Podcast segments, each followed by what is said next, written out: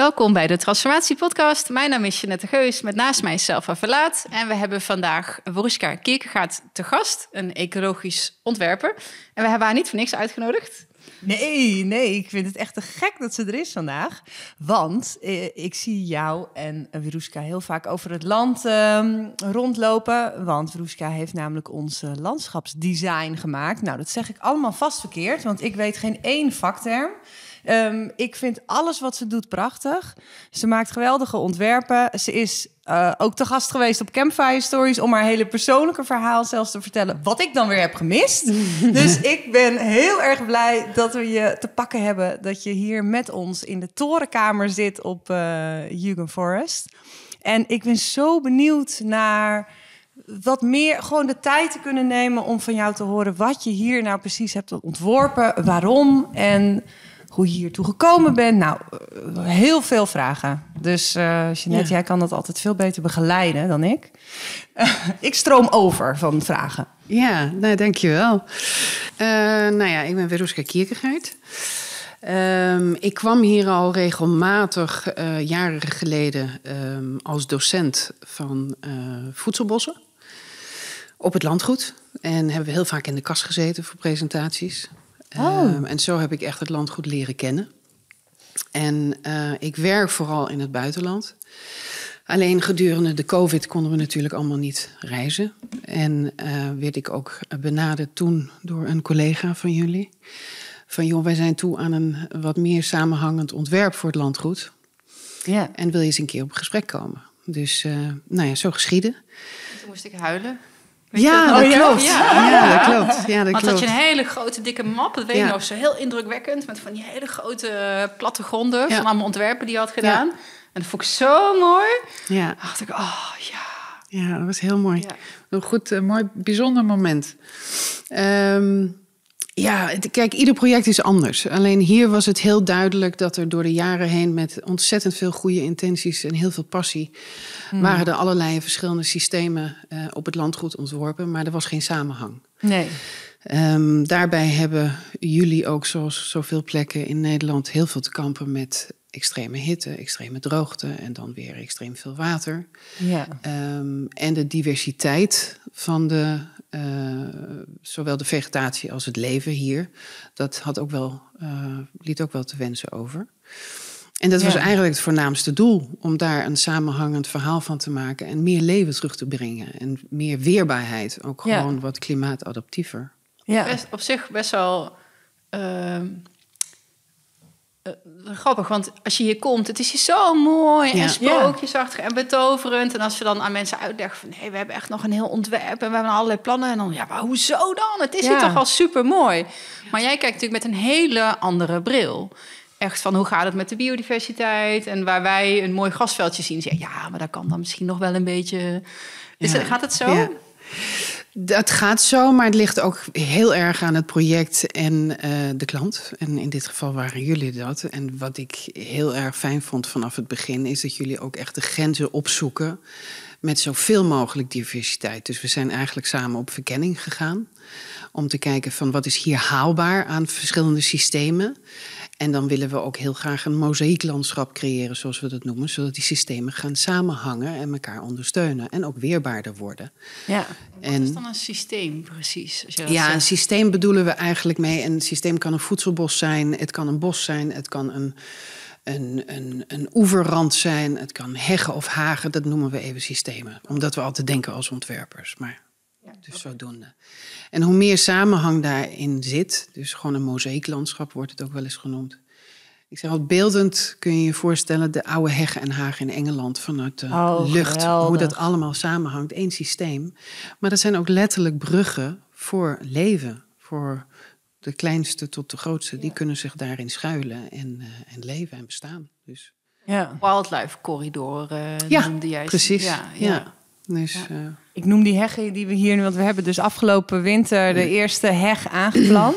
Ja. Hier op het landgoed, tenminste de eerste heg ja. samen met jou en uh, in afstemming met het design. Ja. Ik geloof bijna 5000 zitten er inmiddels in, 5000 planten, struiken. Ja. En uh, 75 Veel. verschillende soorten. Ja, dat, dat vond ik ook. Best veel. Ja, dat is dan ook niet altijd. eh, het komt niet altijd voor. Maar dat is ook weer. Er zijn heel veel aspecten van roggebad wat anders is dan anders.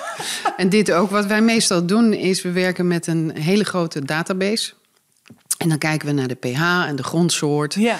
En eh, de standplaatsen uiteraard. En dan maken we een soort van eh, longlist van wat er kan groeien. Dan proberen we ook altijd een selectie te maken van wat is inheems. Want dat is het beste voor de natuur uiteraard en de biodiversiteit. En daar maken we dan weer een shortlist van. En die was alsnog vrij long hier.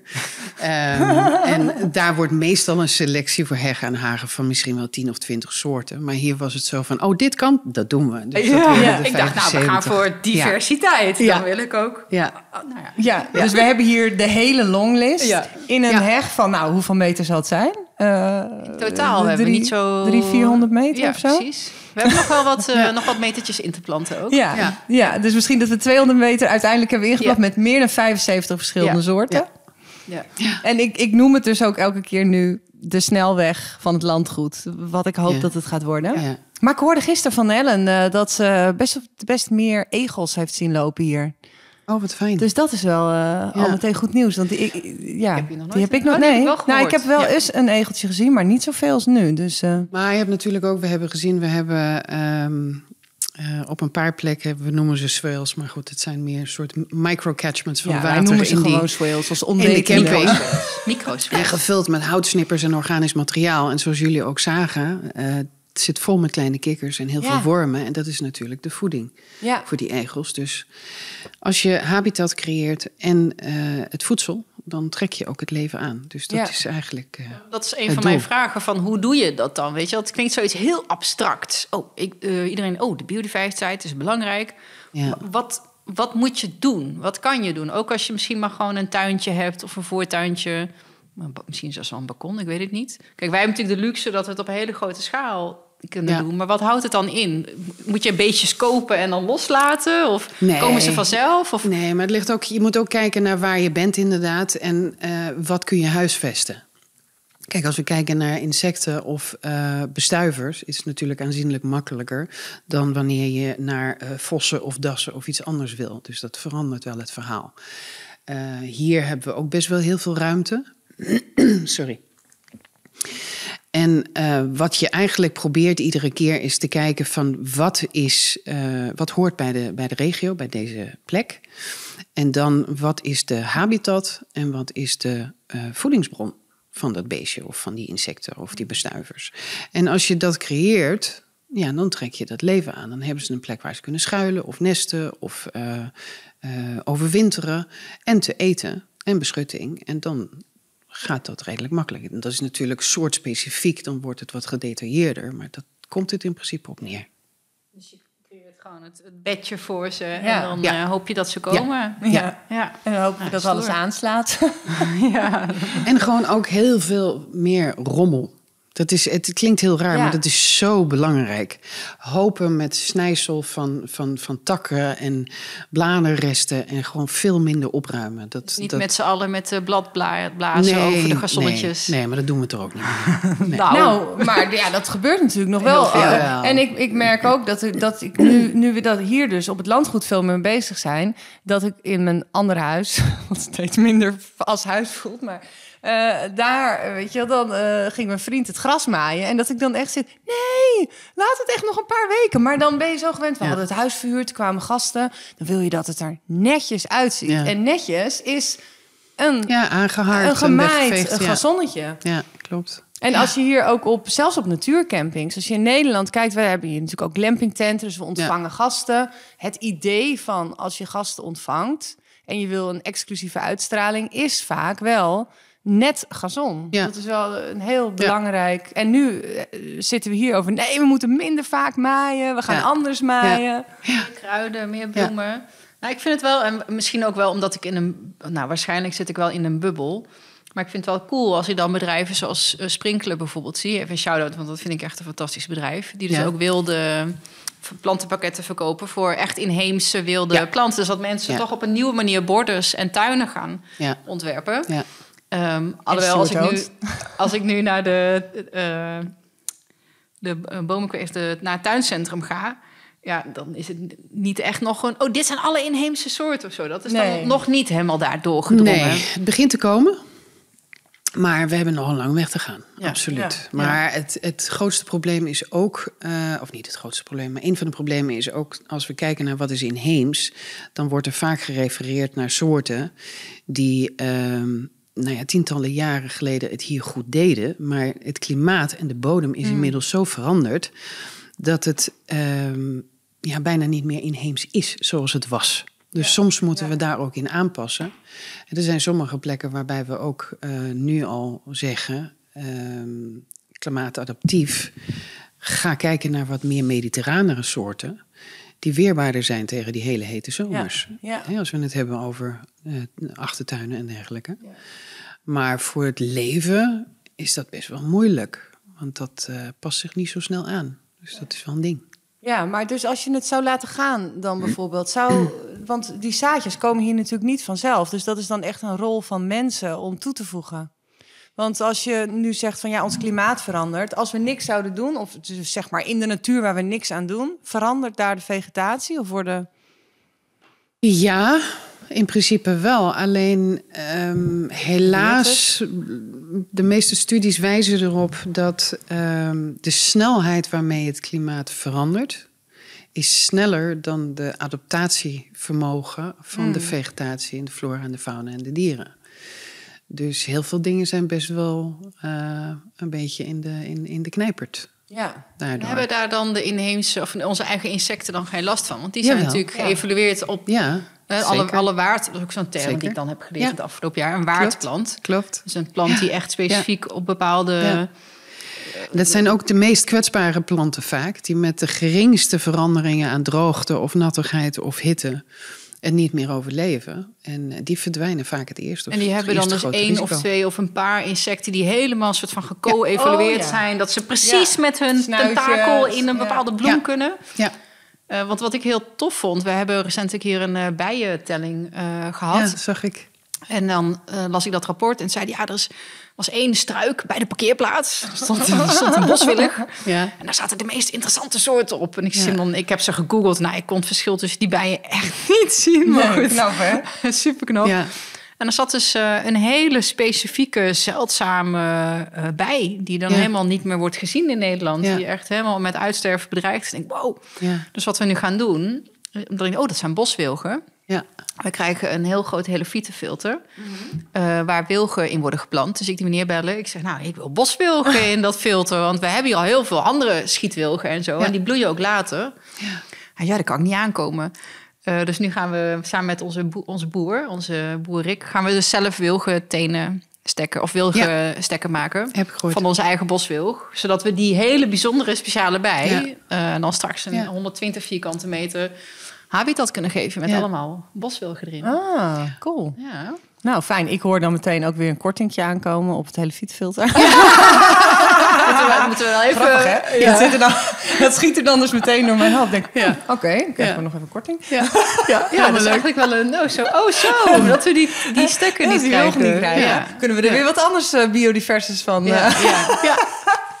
Ja. Maar, dat is wel, dus, maar het, het leuke is dus dat je met... Soms met hele kleine, net iets andere keuzes... hmm. dan toch ervoor kan zorgen dat je zoveel mogelijk die, ja, die bedreigde Ja. soorten Ja. kan helpen. Ja. Mij maakt het niet uit wat voor wilgen erin staan. Ja, Nee. weet je. Nee, nou ja, wat ik, wat ik daar dus zo moeilijk in vind, is dat er zoveel meningen zijn. Hmm. Voor, weet je wel, ik als leek, weet je, ik geniet Ja. gewoon heel erg van alles wat ik mooi vind. En ik merk dat ik gewoon heel erg aanga op verhalen. Dus Hmm. bij jouw verhaal denk ik, ja, dat vind ik een gaaf verhaal. Ja. En dat heb ik ook bij onze boer Rick. Ik zeg, ik zeg ook tegen hem, ik heb hier geen verstand van, maar ik vind jouw verhaal zo gaaf, of je betoog zo goed, dat ik denk, daar gaan we voor. Mhm. Ja. Maar ja, als er dan een andere expert komt hier op het landgoed en die zegt, weet je wel, dit, hiermee ja. vernietig je de grond, of dit is niet permacultuur, of dit is niet, dit is agri, huh, huh, forst, nou ja, al Ja. die termen, al die meningen. Ja. Weet je, ja, hoe... Daar hebben we ook heel veel mee Ja, hoe doen, ga je hoor. daarmee om?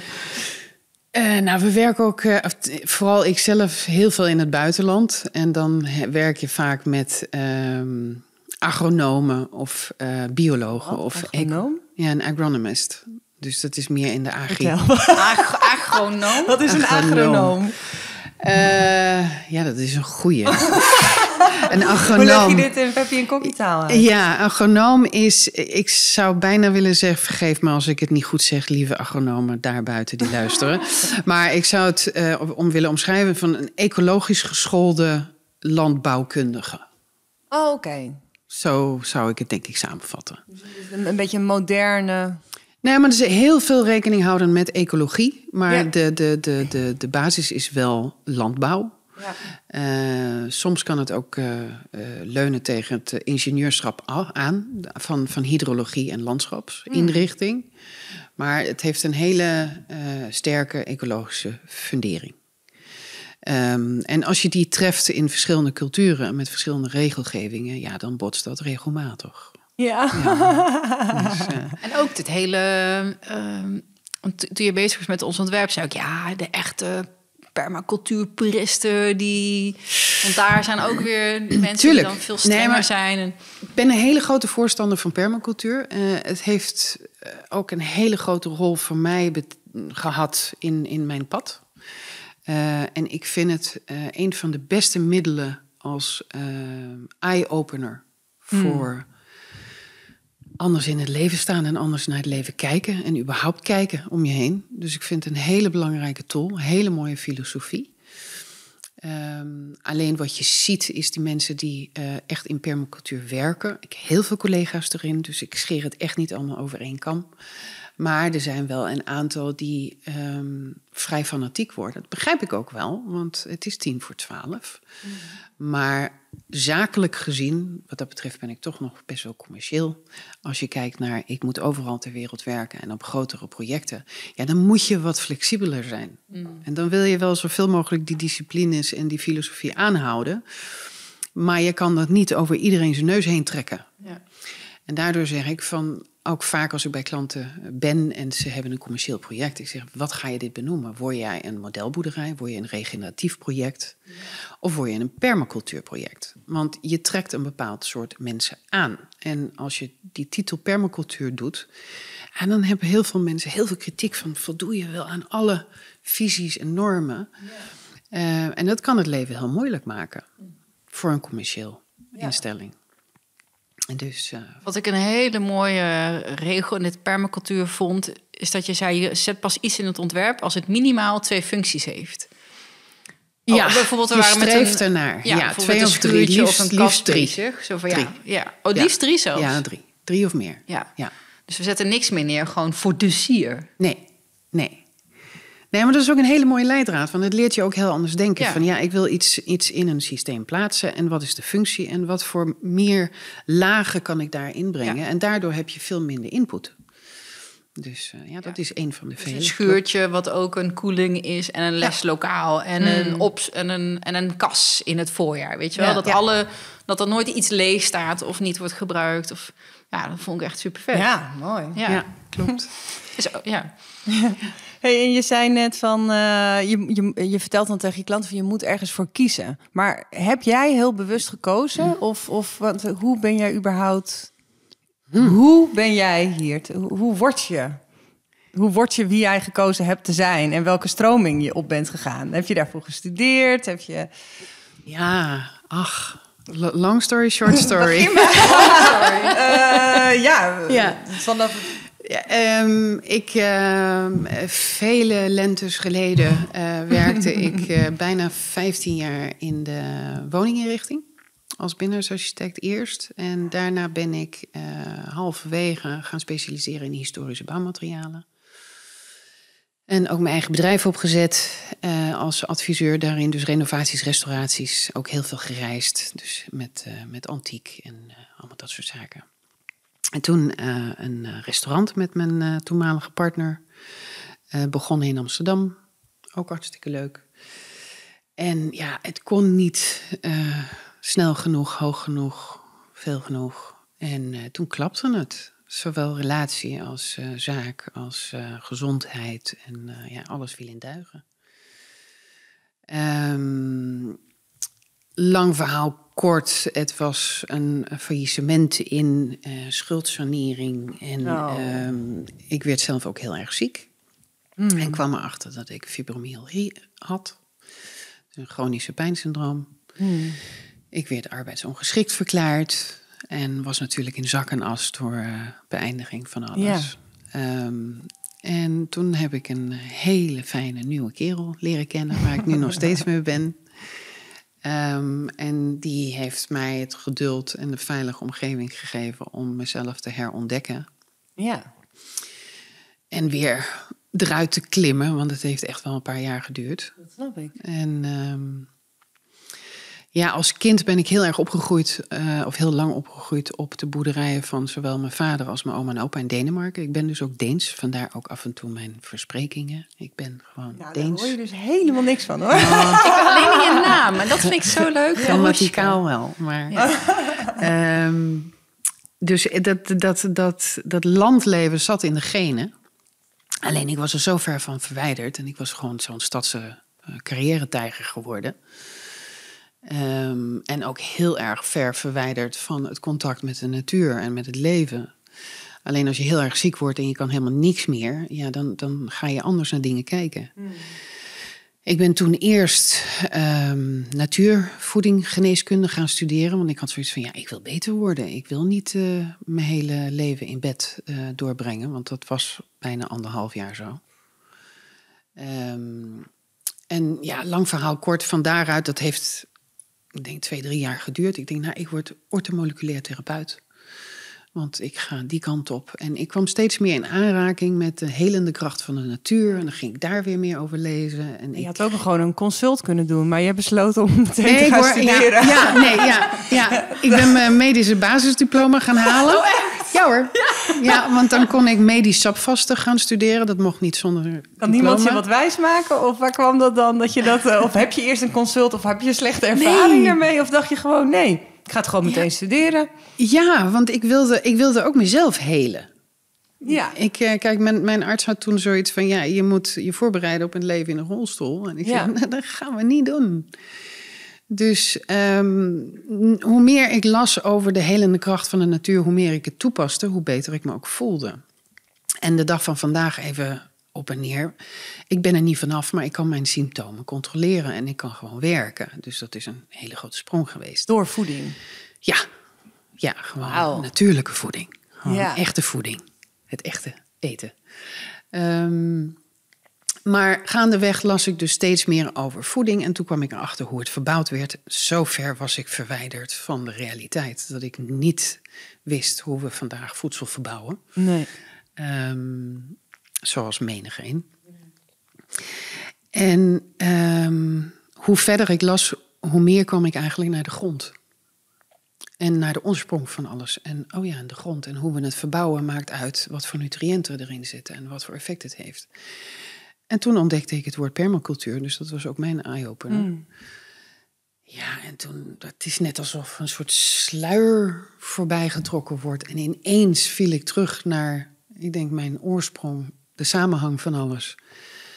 En dacht van, nou, dit wil ik. Alleen in welke hoedanigheid, ik had geen enkel idee. Nee.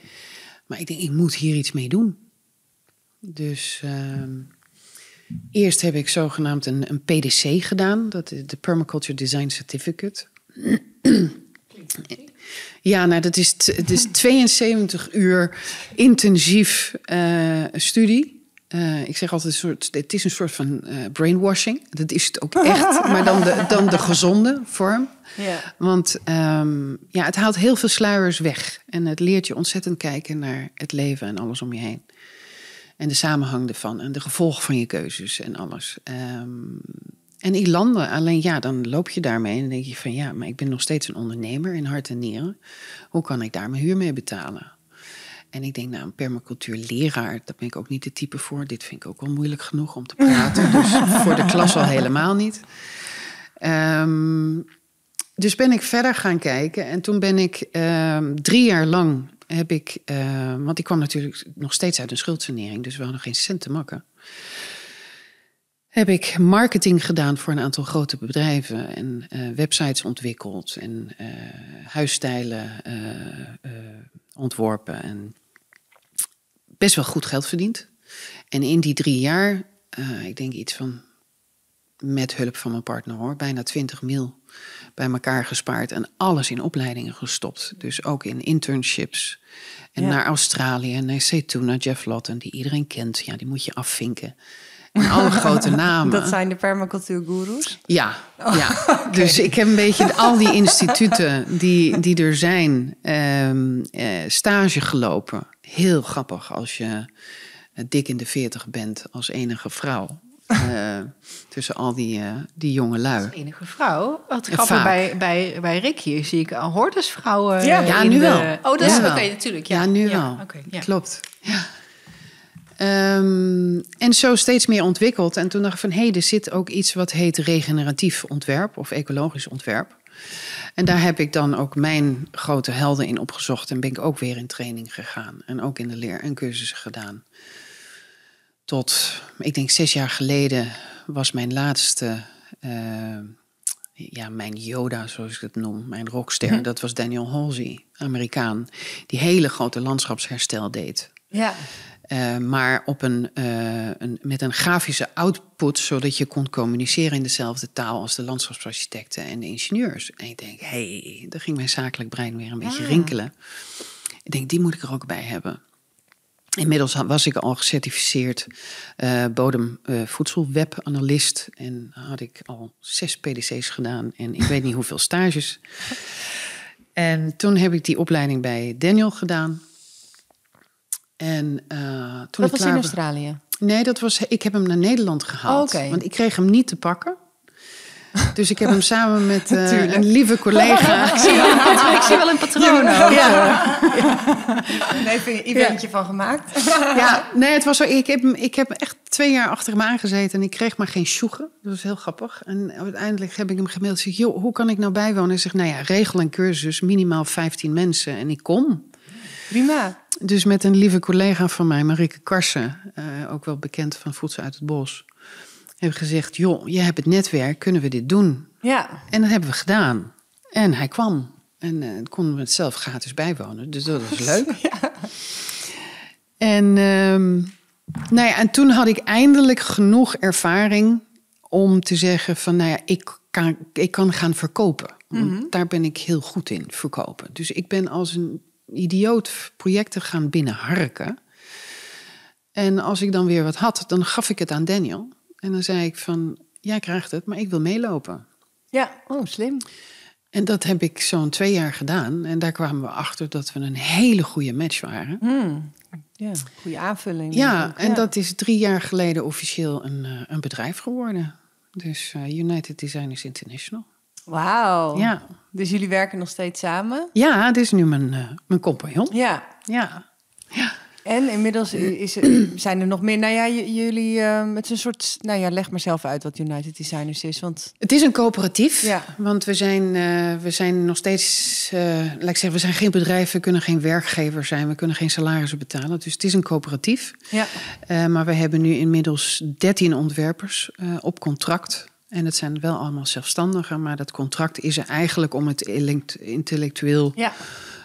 Um, uh, hoe noem je dat, intellectueel eigendom, van ons werk te beschermen. Daar is het eigenlijk voor.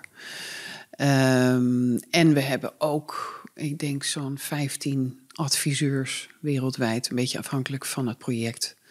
Of het nu op uh, botanische kunde is, of hydrologie, of uh, wat het dan ook mogen zijn. Dus eigenlijk al die stromingen die je net noemde, komen daarin samen. Ja, we kunnen een bepaalde stroming wat nee. United Designers is. Nee, het is gewoon nee, dat we kunnen nu wil, wat past. Maar wel altijd regen met de ja. nadruk op regeneratief, toch? Ne, regeneratief of natuurinclusief. Ja. Kijk, regeneratief heeft natuurlijk vaak te maken met een vorm van landbouw of voedselproductie. Wat is regeneratief misschien? Ja. Om even. Ja, ja, nee, ja, ja. ja, hoe zeg je dat mooi in het Nederlands? Regeneratief is wanneer een systeem dermate weerbaar is dat hij zelfhelend is, wordt. Mm. Dus het is zo gezond en, en weerbaar en divers dat het zichzelf, zonder de input van de mens, zichzelf alsmaar sterker en uh, weerbaarder maakt. Zo zou ik het, denk ik, omschrijven. Dat is regeneratief. dan is, dus je hoeft daar niet zoveel aan te doen als mens? Is dat- Jawel, om het op te zetten wel. Ja, maar het systeem, het, doel van het systeem Ja. is dat het zichzelf herstellend en sterker eh, kan maken. Ja. Zonder de input van de mens. En dat is, is Of dat met heel weinig. dan bijvoorbeeld? Is dat dan... want, ja, Een sorry, voedselbos is een van voorbeeld waarbij heel veel input in het begin, is heel Ja, veel werk, ja. maar uiteindelijk, Als het goed gaat, hè? als het goed gaat, Als je let op, Ja. op de juiste bodem, de juiste technieken voor de juiste bodem. Want dat is wat Ja. er hier, maar dat is misschien een andere, ander verhaal. Ja. Ja. Eh, uiteindelijk is het een systeem waarbij je met alleen eh, het, het af en toe wat bijhouden, wat snoeien en wat oogsten, zichzelf moet kunnen eh, bedruipen. Dus dat en is een regeneratief systeem. Ja. Een voedselbos. En Ja. permacultuur is dan... Permacultuur is meer een, een filosofie. En die heeft een bepaalde ehm, ehm, filosofie. Ja, het is een filosofie die heeft bepaalde, hoe noem je dat nou? Eh, ethics. Ja, Eh, ethiek. Ja, ja eh, regels. Is ja, het, zo, komt ja. het soms over? Ja, Ja, bijna. Citrus misschien of zo. Ja. Ja. maar ethics, hoe zeg je ethics? Ja, ik- Ja. Ja, ethiek. Ethiek. Maar ja, Nou ja. Ehm, Normen en waarden. waar, ja, waar je je aan moet trachten te houden Ja. om daaraan te kunnen voldoen. Maar de meeste systeemontwerpen binnen permacultuur zijn regeneratief. Ja, ja. Sowieso. ja. Dus alleen ik vind met regeneratief wordt het wat breder. En heb je dus wat meer flexibiliteit om ook een permacultuurontwerp te doen. Of een agroforestry systeem, of een silver pastoral, of wat het dan ook mogen Ja. zijn. Dus we doen heel veel regeneratief of natuurinclusief, wordt het ook vaak genoemd, omdat het meer ten bate is van de ecologie en voor de flora en de fauna. En niet zozeer voor de voedselvoorziening. Of Ja. waterveiligheid of klimaatadaptatie. Het kan Kan je Heel veel eh, kanten Want ik op. weet dat jullie echt waanzinnige projecten doen Ja. over de hele wereld zijn. Ja. En ik weet dat ze ook wel niet dat je niet over alles kan delen. Nee, klopt. Maar zijn er een paar waarvan je wel, waar, wat je wel iets over mag zeggen? Jawel, nee, heel veel zelfs. Ja, want ja. dingen als eh, de woestijn weer eh, vruchtbaar maken. Ja, ja, goed. even ja, of plat, water eh, weer levend maken. Ja. Ja, waar je, te- waar, je, waar, je, waar je naar hint is het. eh, ik, dat, dat, daar kan ik zoveel over zeggen. eh, omdat er is vorig jaar een publicatie geweest. En, de, en de, bij de laatste kop zijn de papieren officieel getekend. Dat is een initiatief van de Weathermakers met Greening the Sinai. Als dat valt, dat project ooit, dan wordt het het grootste ter wereld ooit. Eh, dus het herstellen van de hele hydrologie in de Sinaï-woestijn. en wij zijn daar een heel klein rolletje ondersteunend als ecologische ontwerpers in. Maar dat is zo'n grote team. Dus, en dat is, toch? ja, dat is heel gaaf. Dat is Ja. heel gaaf. Maar wat we echt tastbaar hebben gedaan de laatste jaren. ehm, een heel groot stroomgebiedsherstel in Haiti. Na alle eh, ellende van de orkanen. Ehm, heel groot agroforestry project. eh, ook community-based, zoals dat heet. Dus ook met heel veel eh, dorpen. Ehm, agroforestry, Centraal-India. Ehm, heel... bi- Ik Hè? zag ook ontwerpen voor jou die je toen in je map mee had eh, bij een asielzoekerscentrum bijvoorbeeld. Ja, dat vond ik heel bijzonder. Dat was tijdens de COVID mochten we. ehm, dat is een- niet in Nederland ook. Hè? Nee, dat was een Syrische vluchtelingenkamp in Oh, dat Irak. was het, ja. Ja. In Irak. En eh, ja, dat was ook tijdens COVID. Dus de reis, eh, reizen was een beetje moeilijk. Dus het meeste was dan online, helaas. Alleen er is wel één collega naartoe geweest. Ja, dat is gewoon heel bijzonder. En dan hebben we een, een, een ontzettend eh, eh, ja, rampzalige plek. Heel droog. En daar moeten we een kleine modelboerderij oprichten met vluchtelingen. Zodat ze enige voedselveiligheid hebben voor dat kamp. Ik geloof dat ze daar iets van 9000 mensen graag van iets meer vers voedsel wilden voorzien. Ja, dat zijn leuke dingen. Of nou, leuk. Ja, ja. Het, zijn, het is heel dankbaar. Ja. Het is helemaal Ja. niet leuk. Het is verschrikkelijk. Maar het is heel dankbaar werk. Maar ik snap dat je ontwerp hard gaat er harder van kloppen. Ik bedoel, dat is daar- wat je, dat daar voor doet. Weet je wel? En denk, wow, je maakt en een impact op het milieu of op de natuur. Ja. Maar dus ook de mensen die daar direct, weet je wel? Het is, het is ook weer dat en-en verhaal. Dus ik, nee, dat is hartstikke leuk. Ja. ja. Ja, we hebben nu ook, dat is ook een project, dat zijn we net begonnen dit jaar, een heel groot mod- boerderij midden centraal uh, op Ibiza, of all places. Maar het is zo groot en uh, hun plannen zijn ook zo groot dat het eigenlijk de hele economie van het eiland kan veranderen. Want ik geloof dat net zoals de meeste eilanden in het Mediterraan, uh, ik denk dat ze maar 5 of 10 procent van het eiland zelf, de rest komt allemaal binnen per boot of vliegtuig. Um, en zij willen echt aantonen dat ze daar voedsel kunnen groeien samen met natuurherstel en waterbergen. Um, en weerbaar de toekomst in. En trainen en compost maken voor uh, boeren daar. En nou ja, daar word je ook heel blij van. Dat is ook een fantastisch project. Ja. Dus, uh, ja, maar ja, dat je stage aankomen voor ons. Ja, nou ja je hebt hier natuurlijk ook een prachtig plan. Ik wil net zeggen, ja, jullie hebben hier ook. Kijk, dat is. Want wat is het ik, verhaal wat je zeg maar hiervan zou vertellen? Wat is uh, als je het over dit project? Nou, dit hebt? valt wel in hetzelfde rijtje waar mijn hartje sneller van gaat kloppen. Wij hebben ook heel erg gelachen in het begin, omdat ik zeg van ja, Nederland. Ik heb, ik heb niet zoveel met Nederland, nee. omdat ik zelf word ik heel erg uh, enthousiast van de plekken waar het landschap uh, het meest te lijden heeft. Dus echt waar de woestijn op de deur klopt. Ja. Daar word ik zelf heel blij van, of tenminste heel ijverig ja, van. Ja. En Nederland hebben ze te veel water, te groen, we hebben het te goed. Maar dat, de dat klopt natuurlijk niet. die er is hier, hè, de polder. Dus we schijnen op de rijkste grond te zitten. Van. Ja.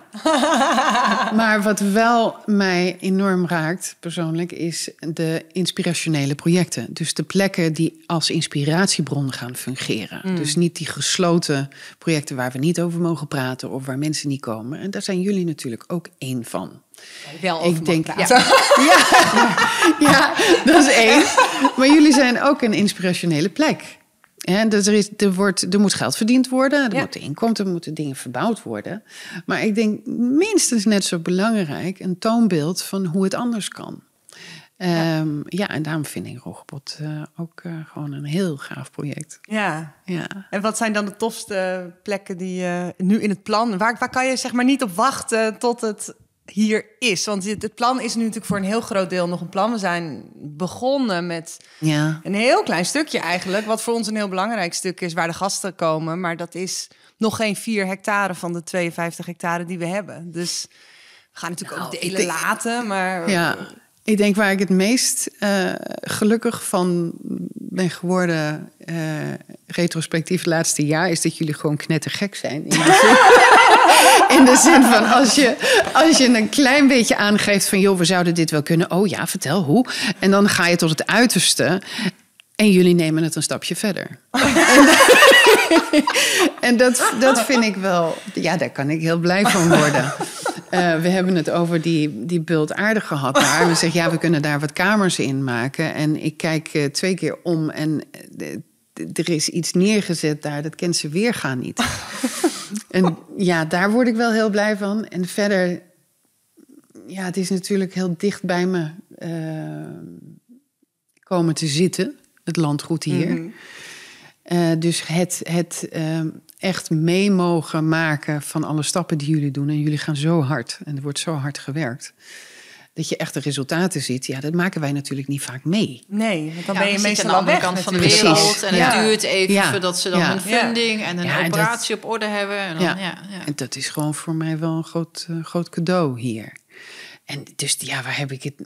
Dat, die groei, dat stap voor stap, als straks die voedselbos kan worden aangelegd. En uh, we kunnen de, de, heel spannend vind ik de, de oeverranden aanpakken mm. hier voor een natuurvriendelijke oevers. Daar heb ik echt heel veel zin in. Ik ook. Want dat is een, een, changer. En we, ja, hebben... we wachten nog op toestemming van Staatsbosbeheer. Ja, voor een stukje. Voor wat een niet stukje, van Staatsbosbeheer is, ja. kunnen we zelf. Ja, en we hebben gisteren heel toevallig iemand ontmoet die in de groenvoorziening zit. En die dus allerlei apparaten heeft. Ja. Dat sta je natuurlijk allemaal niet bij stil bij nee. dit soort projecten. Dat zijn allemaal okay. hele specifieke gravers en toestanden. Die ook voor uh, de oevers en het vergroten van de waterpartijen Hoop het goed. kan, uh, kan helpen. Dus, ja. ja, want dat vind ik soms wel lastig hier. Met, uh, we zijn dan zo bezig om meer leven hier naartoe te trekken. Maar soms ja. voor je gevoel verwoest je het eigenlijk best wel. Hè? Want we hebben inderdaad wel grote... Ja. We zijn nu echt bezig met grote landverschuivingen. Ja. Dus we willen van de rechte lijnen af. we hebben hier een aantal terpen op het landgoed. Dat zijn eigenlijk gewoon bulten met gestorte aarde. En we komen er nu achter dat daar heel veel afval in zit. Heel veel plastic. Ja. Maar ook een verhakseld bos kwamen we op één laagje tegen. We komen van alles tegen. Dat plastic vond ik echt... En dat is heel raar dat je dan nu pas... Dat ik daar dan nu pas... Dan denk ik He, want een deel is verhakseld bos. Dus wij dachten, jee, fantastisch compost. Dus we hebben een deel, ja. een deel hebben we apart uh, gehouden. Dus dat wordt niet volop gebruikt in de moestuin en ik ook in mhm. mijn eigen tuin.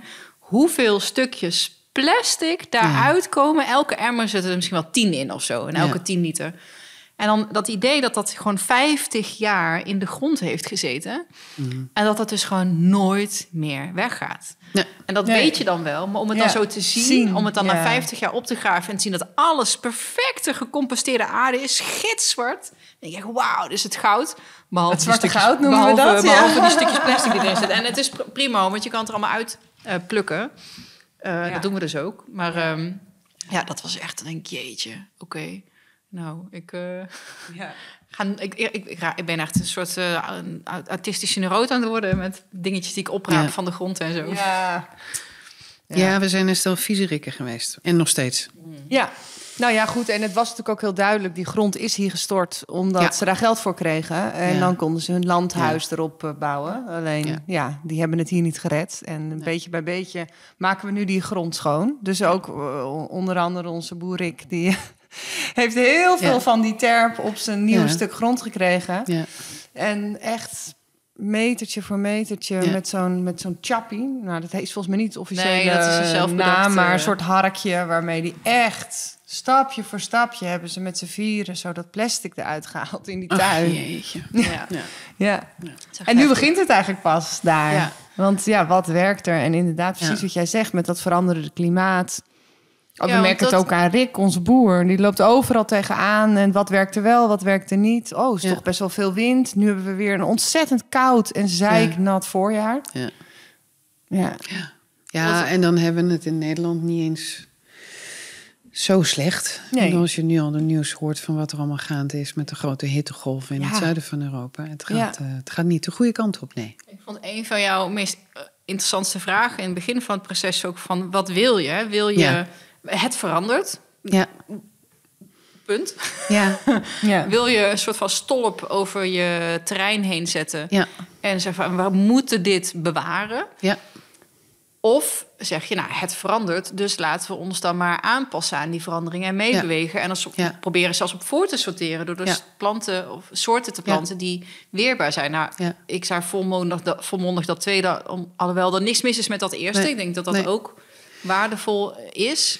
Ja, en ik denk dat we ook goed zijn geslaagd uh, hier om een balans te vinden tussen beide. Ja. Hè, want we hebben natuurlijk ook onze, uh, ik zeg gewoon onze, moet je nagaan. Ja, ja, ja dat is ook zo. Onze jageres hier, die ook een enorme bewaker is voor alles wat inheems is en, en, en, en bedreigd. En hier gevonden wordt. Dus we weten ook de plekken waar er nog uh, uh, bijzondere juwelen zijn van planten of dieren. Dat we denken, nou, daar komen we niet aan, dat gaan we ondersteunen. Ja. En dan hebben we van die kleine ecologische woestijntjes hier en daar. Nou, daar kunnen we wel een beetje uh, leuke gekkigheid uh, tussen doen. Zonder de rest te verstoren. Dus... Ik vond alle vragen in dat proces ook leuk. We hebben hier dan bijvoorbeeld uh, varkentje staan. Dat weet je, de, de hotspot. Ja, ja. ja de, de publiekstrekker. ja. en onze lievelings. En, die was er gewoon. Uh, maar dan inderdaad vroeg je van, ja, wat is het nut van dat varken? Ik, ja. Weet ik veel. Die staat hier gewoon, die woont hier. Ja, is het een... Uh, kinderboerderijfunctie? Of, of moet hij het land omploegen? Of, of moet die, uh, is die voor vlees? Of is die voor uh, educatieve? Ja, ja. oh, ja. weet ik niet. oh ja, maar dat vind ik wel mooi. Dat je om al die, over al die systemen op die manier nadenkt. Van wat is het? Waar ga ik het voor gebruiken? Heeft, is het nuttig? Is het alleen maar voor de sier? Of voor status? Of eco? Of...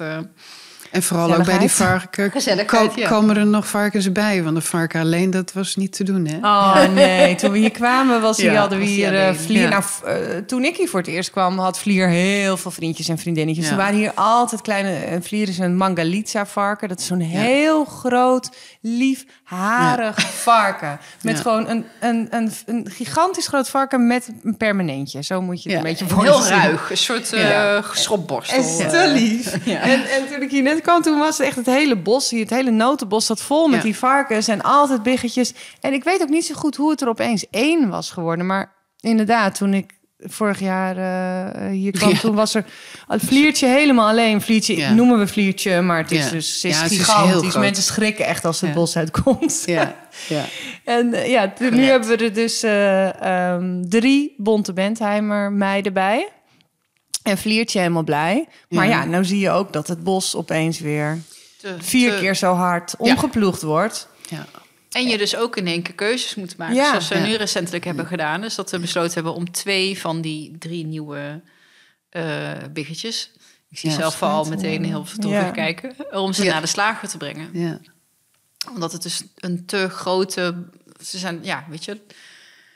Nou Dus- ja, je hoort, weet je, ja, je, je, je- het is natuurlijk ook eh, eh, met, met dieren, met levende wezens, vind ik het gewoon nog moeilijker. Kijk, dat er nu iets, hè, wat we gaan proberen en wat dat het dan niet lukt, ja, dat kan gebeuren en jammer. En dan, eh, ja, dan leer je ervan en dan ga je Mhm. door. Maar met, we hebben ook bijvoorbeeld met de koeien nu hetzelfde, die stonden hier al. Maar ook met die varkens, dat je dan moet gaan beslissen over echt een levend wezen Ja. door ja, misschien een misrekening of eh, niet goed genoeg over nagedacht. eh, en dan opeens heb je hier vier varkens waar je helemaal, ja, waar ik gewoon echt hartstikke gek op ben en waar ik me helemaal gek aan knuffel. En dan opeens, en dan ja, is het ook nog mijn lievelings. Want die heeft een zwak pootje. Ja. Dus dat is dan de zwakste Ja. schakel. Dus die gaat dan eerst. Ja, ik vind dat wel echt heel ingewikkeld. Terwijl ik, ik weet nog eens van mijn lievelingsdocumentaire, The Biggest Little Farm, dat ze altijd Oh, zeggen. ja. Dieren horen op de boerderij en dieren, maar dieren Ja. hebben een functie. Ja. En eh, ja, en, maar dan eh, gaat in mijn hoofd gewoon altijd een soort kortsluiting van... ja, wie bepaalt dat? Hoezo heb ik het recht om te bepalen dat dat dier geen functie meer heeft? Weet je Ja. wel? Maar Super dat is, ja, Ja. ik weet niet. Ik, ik snap, ik, dus ik, aan de ene kant denk ik, ja, dieren horen inderdaad hier op het land goed. Maar Ze zijn ik- ook nuttig, want ik- ze woelen de grond om, ze eten Ja. het riet op. Ja. Ze, ze doen hele nuttige ecologische Ja. dingen ook. maar ik weet niet of ik dit elk jaar aan kan. Varkens die... Nee. Nou, dat gaan we ook niet doen. Ik, ik, weet- nog dat eh, eh, bij die, als je die PDC bij Jeff Lotten doet in Zaytuna, dan is een van die segmenten van de scholing is een, is een slachtdag. Ja. Dus Oh. die hele team, dan moet je met z'n allen moet je echt. en hij heeft van die edereenden, dat zijn echt van die gigantische joekels. En iedereen moet zo'n ehm, zo'n eend gaan vangen in de ren. En eh, dan is het slachten en schoonmaken en eh, verwerken. Moet je zelf slachten? Of moet Nou je ja, er ik, ik, staan ik dan? ben ermee Oh. opgegroeid als kind op de boerderij van, mijn- van mijn oma en opa. Eh, dat hadden we één keer per jaar, dan, dan werd er geslacht. Dus ik ben het gewend. Alleen we waren daar met een club van, ik denk zo'n 22 man.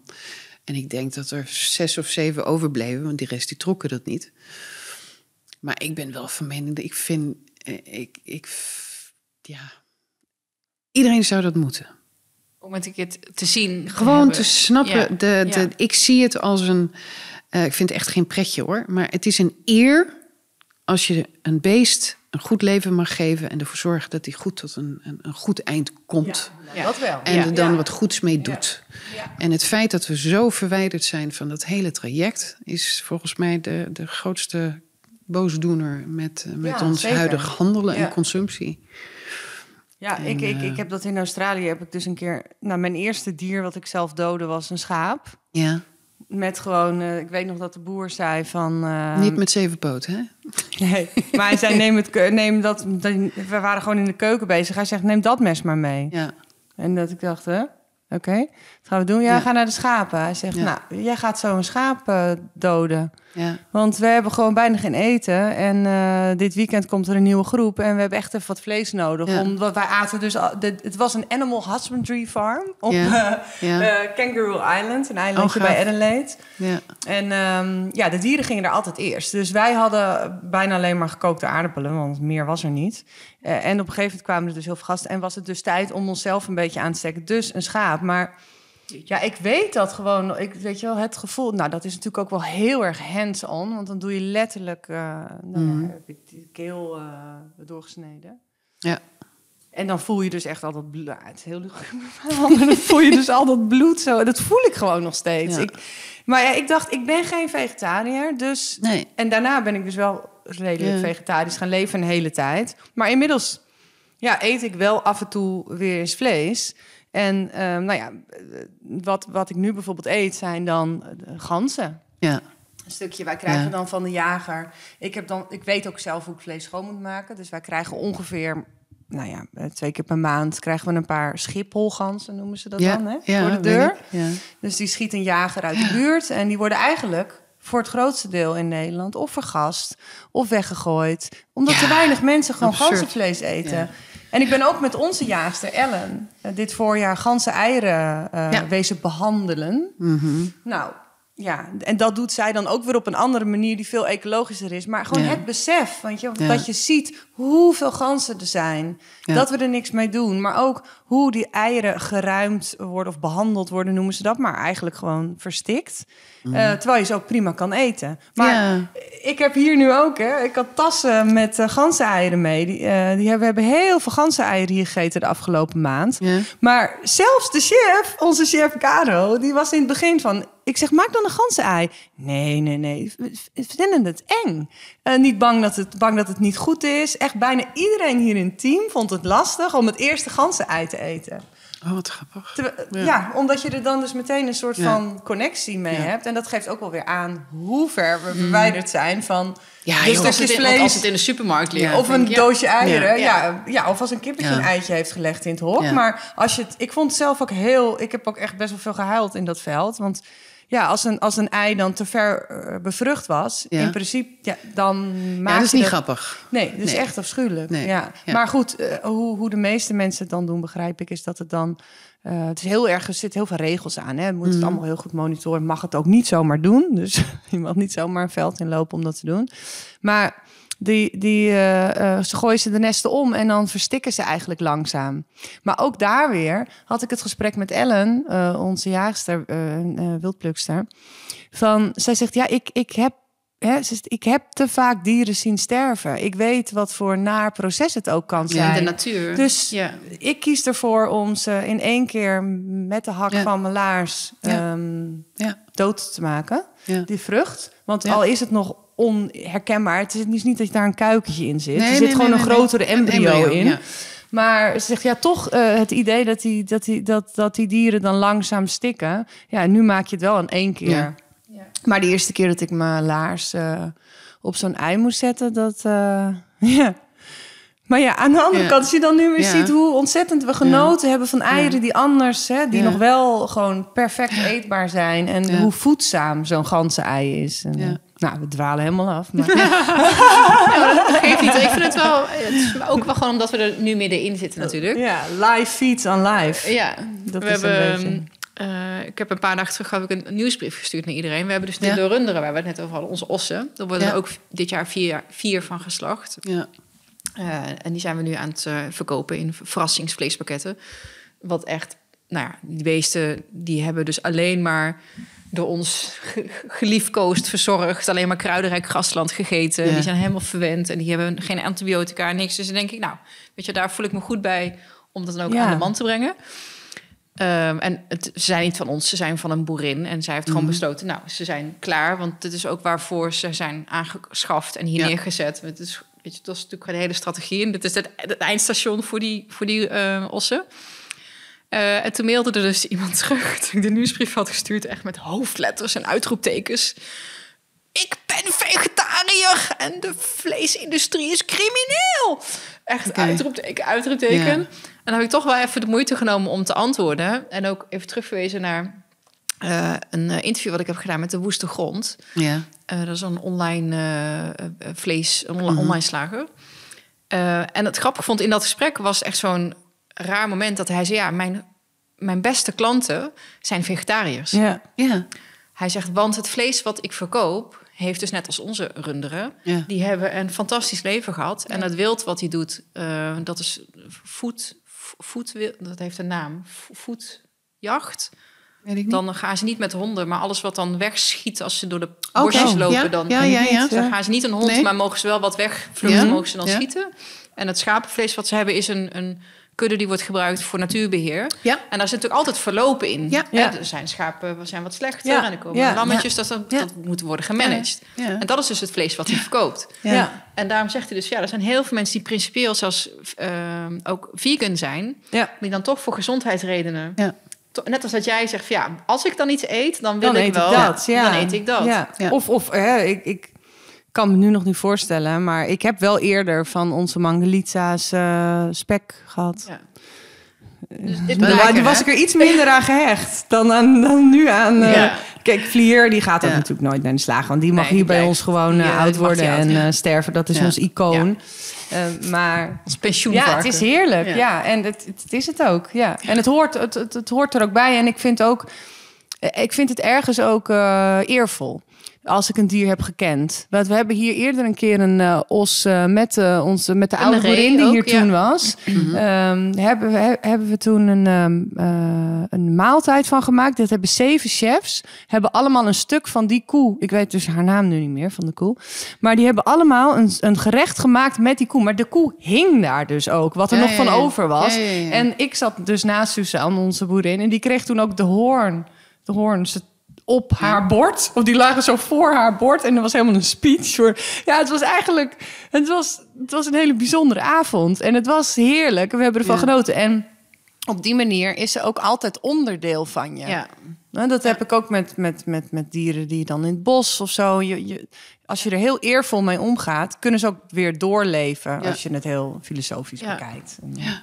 Die dame trouwens was, was heel blij dat ik haar teruggemaild. Ik kreeg ook een Oh, reactie je hebt terug. een reactie ja. gegeven. Ja, Oh, want ik wat heb wat ik net vertelde, heb ik haar dus in een mailtje gezet. Oh. En zei ze, nou, ik ga het nu niet kopen, maar toch Oh, bedankt voor de reactie. Oh, geweldig. En toen zei ze nog wel zo van, nou, weet je, fijn dat je het even toelicht. En ze zei van, ja, ze zegt wat mij dwars zit. En daar ben ik het wel echt helemaal mee eens. Is dat op het moment dat, eh, dat een beest heel veel stress heeft voordat het wordt geslacht, dat wordt opgeslagen in het systeem. En dan even terug neer naar de orthopulaire eh, Hmm, gezondheidszorg. Stress, Ja.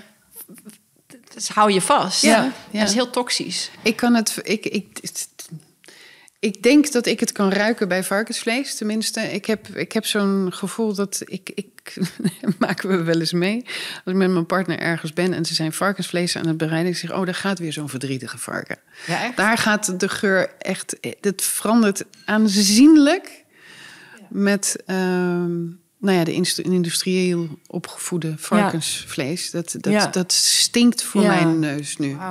Ja, en als dat het is wel, eentje eh, is met een natuurlijk leven, dan ruikt het wat zoetig. Ja, en er zijn dus ook slagers. En wat wij bijvoorbeeld nu gaan doen met de runners, dat we twee weken van tevoren met ze gaan oefenen. Drie Ja. weken? Drie weken, zei, elke dag. Twee, zei Oh, Suzanne. ja. Ja, dat deden wij op de Oh, boerderij van mijn een vader leuk, ook. leuk nieuwtje over. We krijgen misschien een stagiaire van haar. Dat gaat hoorde ik, ja. maar goed. Die El, ja, want dat is toch ook dat is een gigantisch proces. Elke dag oefenen met de koeien om deden te wij ook. wennen. Uit Dat de deden wij ook. Zodat ze, want Ja. ze worden dan voor degene die dan Ja. even die luisteren. Een koe staat dus in een weiland met zijn, met zijn zeven vriendjes. Zevenen, ja. Met zijn zevenen.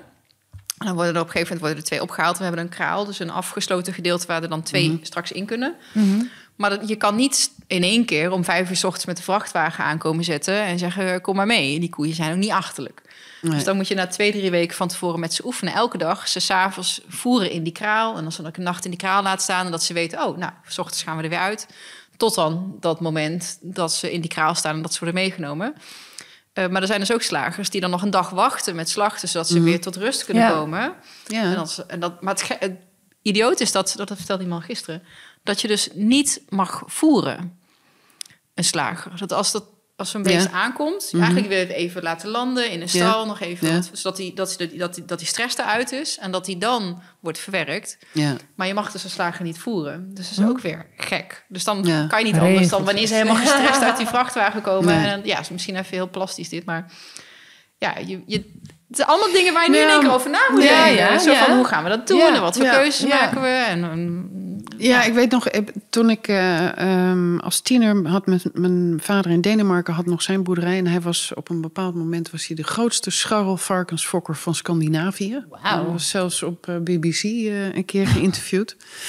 Ja, dat was leuk. En daar hebben we, we hadden hij, wat was het, in de hoogtijd 360, 370 eh biggen in een natuurgebied rondlopen met een ehm, een uh, oeverrand bij een meer en verschillende bossen. Maar dus ook met rotatie, hè, want je ziet wat er hier gebeurt.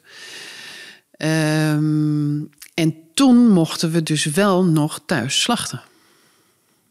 Daar. Ik weet niet hoe het nu is in Denemarken, maar hier in Nederland sowieso niet meer. Um, en je kon ook, als je meerdere uh, wilde uh, laten slachten voor de verkoop, kon je ook een slager laten komen. Ja, maar dat is Alleen je had een hygiënisch hok ervoor. Ja. En dat was heel fijn, want wij lieten ze inderdaad ook um, een paar weken van tevoren kwamen ze allemaal naar het hok in de binnenplaats, naar boven met een beetje voer en een, en, en, en een kriebeltje achter het oor.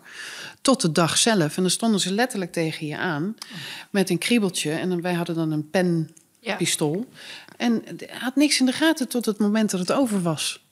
En dat was heel fijn voor het beest en, en voor ons. En ik weet nog dat toen mijn vader op een gegeven moment wel een grotere hoeveelheid op een, een wagen moest zetten. Nou, hij stond gewoon met tranen in zijn ogen. Ja. Dat is nou verschrikkelijk. Ja. Dus, uh, nou ja, ja, ik denk ook dat het. Het is alleen maar goed dat het, weet je, het, het, zou heel gek zijn als dit soort dingen je niet raken, weet je wel, want dat is natuurlijk. Ja, maar dat doet het natuurlijk voor de meesten niet, omdat het wordt weggehouden. Omdat het wordt weggehouden, precies. Maar nu we ermee worden geconfronteerd, ja, ja, ja. ja.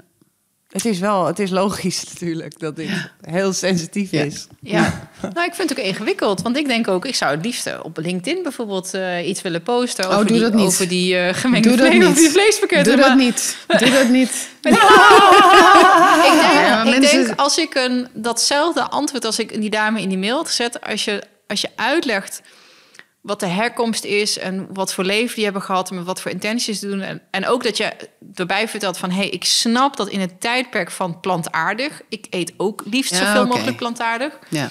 Ik denk dat je het verhaal gewoon heel goed moet vertellen. En niet gewoon koud moet komen met nee, kookvlees. Nee, tuurlijk. Nee, en, en wat, ik heel erg, wat ik ook heel erg fijn vind... is dat ik van de bewuste vleeseters zeg maar ook krijg van...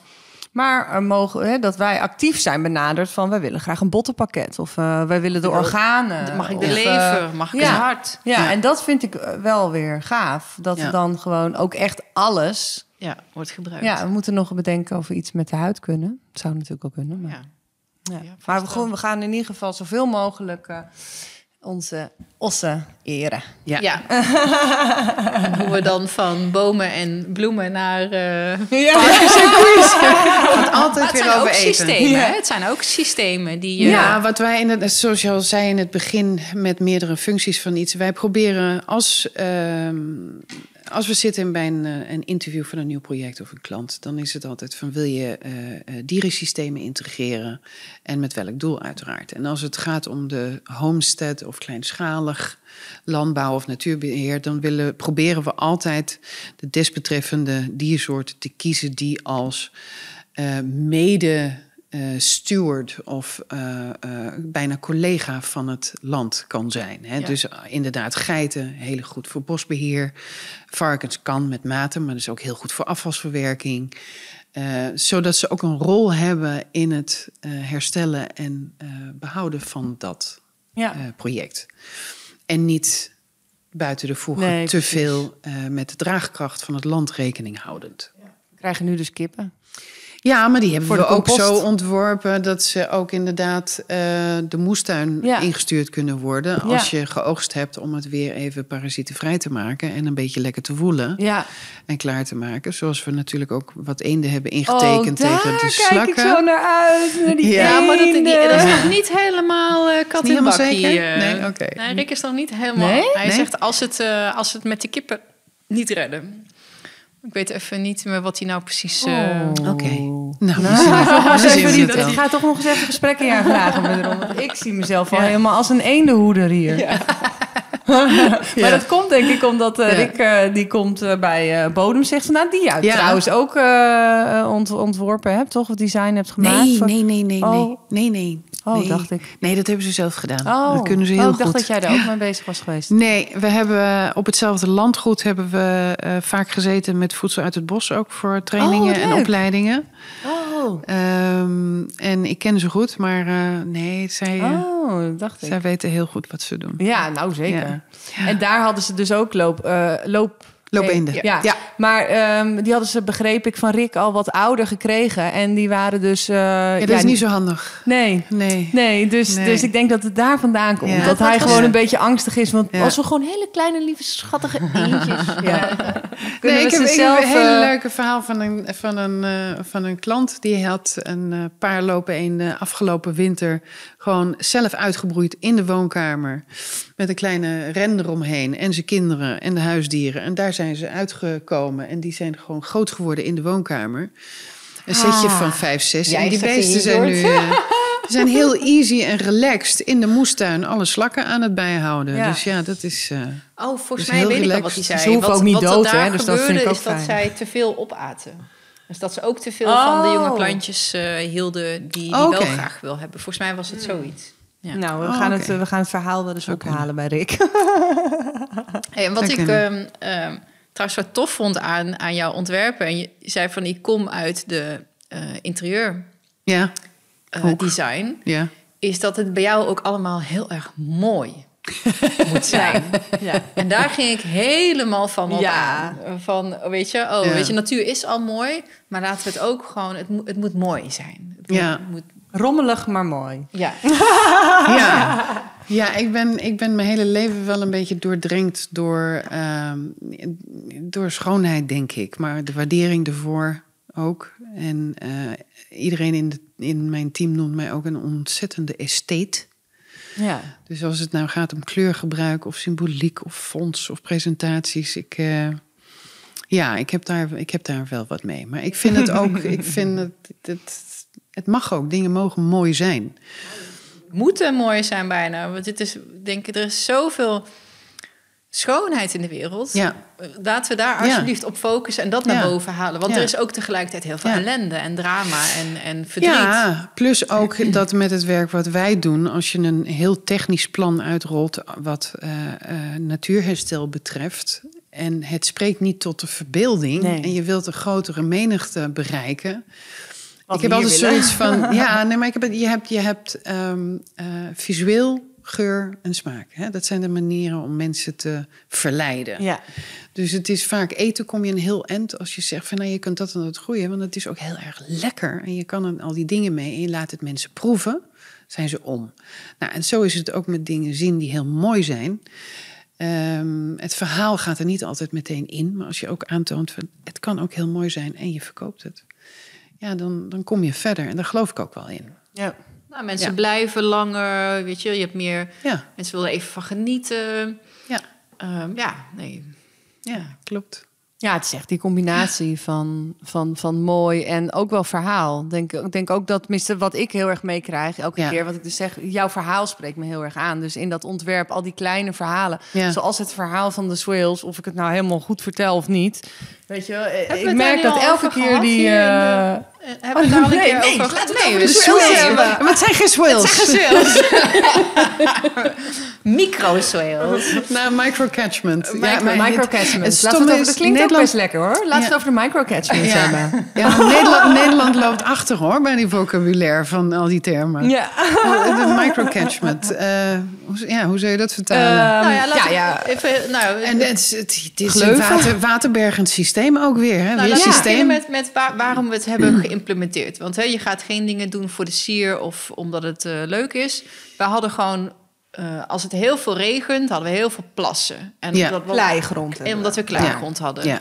Eh, nou, dus Ja, niet alleen kleigrond hadden, maar jullie hebben natuurlijk ook daar heel veel aardverschuiving Ja. gedaan met grote machines. Compressed. Dus de grond was ook nog heel erg eh, eh, ge- eh, gecompact, Ja. compacted Ja. eh, geworden. Dus het water kon niet weg. Ja, dus wij, Verdicht, wij hadden ja. echt hele stukken waar we gewoon niet konden lopen. Nee. Waar, ook, waar we geen Nee. gasten konden Nee. ontvangen. Nee. Dat was was een, een soort zwembad. Nou ja, het was dus een soort zwembad. als het regende. Ja. En zodra het dan droog was, ja, Ja. het leek wel de, de woestijn. En Ja. knetterhard. Ja. Ja. Ik weet nog dat we echt dus op, de droge stukken, dus inderdaad heel nat, maar ook op de heuveltjes, dat we met grond boren de gaten Ja. moesten maken om een lavendelplantje erin te krijgen. Ja.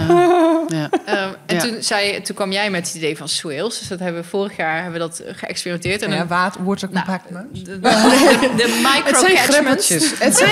Dat is het. Het zijn.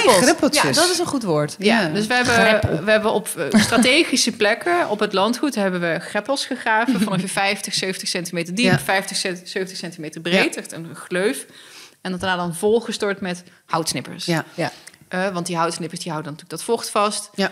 Eh, want wij dachten spons. eerst, want wij vroegen de eerste aan wie we vroegen van shit, wat moeten we met die plassen doen? Het eerste wat ze zeiden, eh, wat onze beheerder toen zei, was: ja, gaan we een gat boren. en gaan we ja. eh, volstorten met grind als een soort afvoerputje, zodat Ja, het zo ja, snel ja. mogelijk weg kan. Maar ja, Ja. in de zomer hebben we dus te weinig water. Ja. Dus ik denk Ja. ja, dat is ook niet Ja. handig. Nee. En zo'n microcatchment Ja. Greppel. voert het een soort van af, hè, want het, het, het vangt al het water Ja, op. hij ligt, En- hij ligt. Jullie hebben de vormen op, de- op de camping. Dat zijn eigenlijk allemaal een beetje halve cirkelvormen. Ja, En binnen in die cirkel loopt het lichtelijk af naar die hoge berm. Ja. Die als het ware omhelst. Dus hebben we gezegd van nou ja, in die berm, onderaan die berm, in die cirkel, die kleine greppeltjes, zodat het echt afvoert daarin. Ja. Maar tevens door die houtsnippers en het, eh, daardoor krijg je veel meer mycelium, veel meer waterbergend vermogen, voedt het ook die kleine houtwalletjes die Ja. we daar eh, achter hebben. Dus ook weer het stacking of functions. Ja. Dus wat kan het allemaal bedienen? Ja. En toen kwamen de kikkers en toen kwamen de wormen. Nou, en- toen, toen, toen, toen En- en- verdwenen de plassen. Ja, En werden de greppel, en werden de bermen steeds En we zagen gewoon die eerste vijf meter langs die swel, was, bleef ook toen het knijten droog was, Ja. bleef dat gewoon groen. Toen het hier Ja. gewoon echt een woestijn was, want Ja. zelfs het gras was geel. Maar daar, was het groen. Nee, Ja. En dat Ja. weet je, en dan Ja. nu hebben we dus langs het hele, en dan gaan we straks even bekijken. Ja. Langs het eh, hoofdpad hebben we dat is nu links en rechts van het hoofdpad met een graafmachientje, zand Ja. erop, houtsnippers Ja. erin. Ja. En je merkt er niks van, want het- zo'n gast ziet dat niet. Die loopt gewoon Nee, over een fijn, fijn hoofdpad. Nu merk ik dus elke keer, weet je wel hoeveel werk dit was? Ja. Je kan het niet zien, maar Je ziet ook helemaal toch een ja. plus. Ik zie het ook helemaal Ja. voor me dat dat Ja. in, de, in het herfst straks helemaal vol met paddenstoelen staat. Want inderdaad, de, wat we vorig jaar aan houtsnippers hebben gedaan, als je dat maar een 5 centimeter opzij schuift, het is helemaal wit. Ja. Ja, er zit met al heel veel schimmels in. Ja. Dus je kan niet wachten. Straks heb je helemaal langs dat En pad wormen ook Gewoon eromheen. helemaal Ja. paddenstoelen. Zo heb je zo'n paddenstoelen-ally. Ja, het, nou ja. Ik, ik- Kijk. en, en dat zijn gewoon van die voorbeelden. Dan vertel je het verhaal. Dan, is, dan gaat het nog niet eens zozeer om die schoonheid. Maar dan is het weer dat verhaal wat zo fantastisch is. Of, nou ja, zoals we nu de, de, de houtwallen eh, heggen... zeg Ja. maar verkopen aan bedrijven... om Ja. dat met z'n allen aan te planten... en samen een keten Ja. te vormen van leven. En dan ook nog eens een snelweg van biodiversiteit. En Ja. ja, dat, dat zijn gewoon fantastische verhalen. En, en het is natuurlijk prachtig. En toch te gek ook dat bedrijven dat willen doen. Hè? Want Ja. hoeveel man hadden we? Wel echt v- 50 mensen of zo voor, Zeker, die, eh, voor ja. die paar honderd meter. Ja, en net weer met schoonheidsspecialisten, eh, de krimlinders op de oprijlaan. Geweldig, weet je wel? Die meiden helemaal met mo- prachtige manicure nageltjes. Ja? Natuurlijk Oh, helemaal enig. kapot na een half uurtje, maar geweldig. Weet je, ze waren en het regende, het was ellendig weer. Oh, wat leuk. Grote smiles op hun gezichten. Ja. En eh, die gilders vind ik ook een heel mooi eh, Ja. voorbeeld. Want dat verkoopt natuurlijk als een malle aan. En weet je wel, dat is een moeten we nog heerlijk eh, verhaal. uit gaan tekenen trouwens samen. Nou, Ja, Met een spuitbusje. Oh ja, ja. Ik heb zo'n krijtspuitbusje. Oh, geweldig. Oh. Moet ik... eh, Want ik heb er eh, bij mijn eigen huisje heb ik nu een, een, een soort van experiment gedaan. Even vertellen wat gilde is. Oh, eh, een, een, een, ehm, een gilde is een groepering van bomen, struiken en grondbedekkers. eh, in een soort eilandje, een cirkeltje, waarin ze eh, elkaar versterken. Dus er zijn planten die bijvoorbeeld hele lange wortels hebben, die echt nutriënten van onderaan helemaal omhoog kunnen halen. En dat in de bladeren. En als je dat dan chopt, dan liggen dus al die nutriënten zijn dat beschikbaar voor alle planten. En zo hebben ze dus allemaal functies. Ja. De ene weert eh, vervelende insecten, de andere trekt er juist de goede insecten aan. Hè, want het is de geurende planten. Er zitten ook uien tussen, wat dan weer andere Ja. beesten dan weer afweert. Ja, schimmelwerend. En Nee, allerlei is- verschillende Wel, functies Precies, dus kan het is echt hebben. een... een eh, dus we hebben Het hoeft ook niet per se een cirkel of de vorm maakt niet uit, maar het maar is een elkaar. groep beplanting die Mm. elkaar ondersteunen in gezondheid, weerbaarheid en enzovoort. En het is natuurlijk heel tof, want het is ook een soort boeket.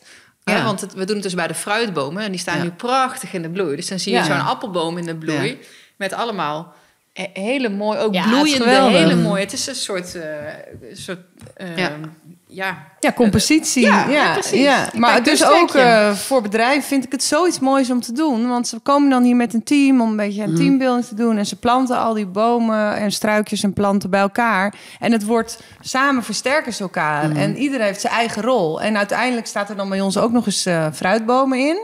Ja. Dus kan je er ook nog eens de vruchten van plukken. Letterlijk. Nou, ik bedoel, hoor je dit nou en denk je... ik wil dit met mijn team ook meemaken? Even een kleine reclame tussendoor. Ja. Neem dus contact met ons op, want ik denk dat we nog een eh, stuk of twintig eh gildes eh, te planten hebben. Ja. Met allemaal leuke inheemse is planten. planten. Ja. Ik heb nu al geleerd wat smeerwortel wortel is en zo. Ik vind het leuk. Mijn Ja. vocabulaire breidt zich ook steeds verder uit. Ja. En Rick is het nu ook aan het doen in de tuin, hè? Met de drie zusters. Oh, hoe noemen ze dat? zusters, ja, ja. dat vind ik ook. Nou ja, vanuit Ja. mijn lievelingsboek weer. Braiding Ja. Sweetgrass. Ja. Vlecht van heilig gras, want het is nu vertaald in Ja. Nederlands. ja. Zijn er eigenlijk nog onderwerpen eh, waarvan je denkt... nou, maar daar moeten we het echt nog eventjes over hebben? Nee, ja, nee. Er zit een mooie bromvlieg hier. Ja, Hoor je dat? Leuk. Ja. Echt een boeren, boerenachtergrond. Ehm, nee, waar moeten we het over hebben? Ik denk dat we met z'n eh, met z'n allen eh, een beetje wakker moeten worden voor de noodzaak van eh, verandering ten aanzien van ons gedrag en onze consumptiedrang. Want ja, het gaat niet goed met onze lieve, lieve planeet. Dat is één ding wat voor mij heel belangrijk is. Het gaat niet goed. We moeten echt met z'n allen die. Ja.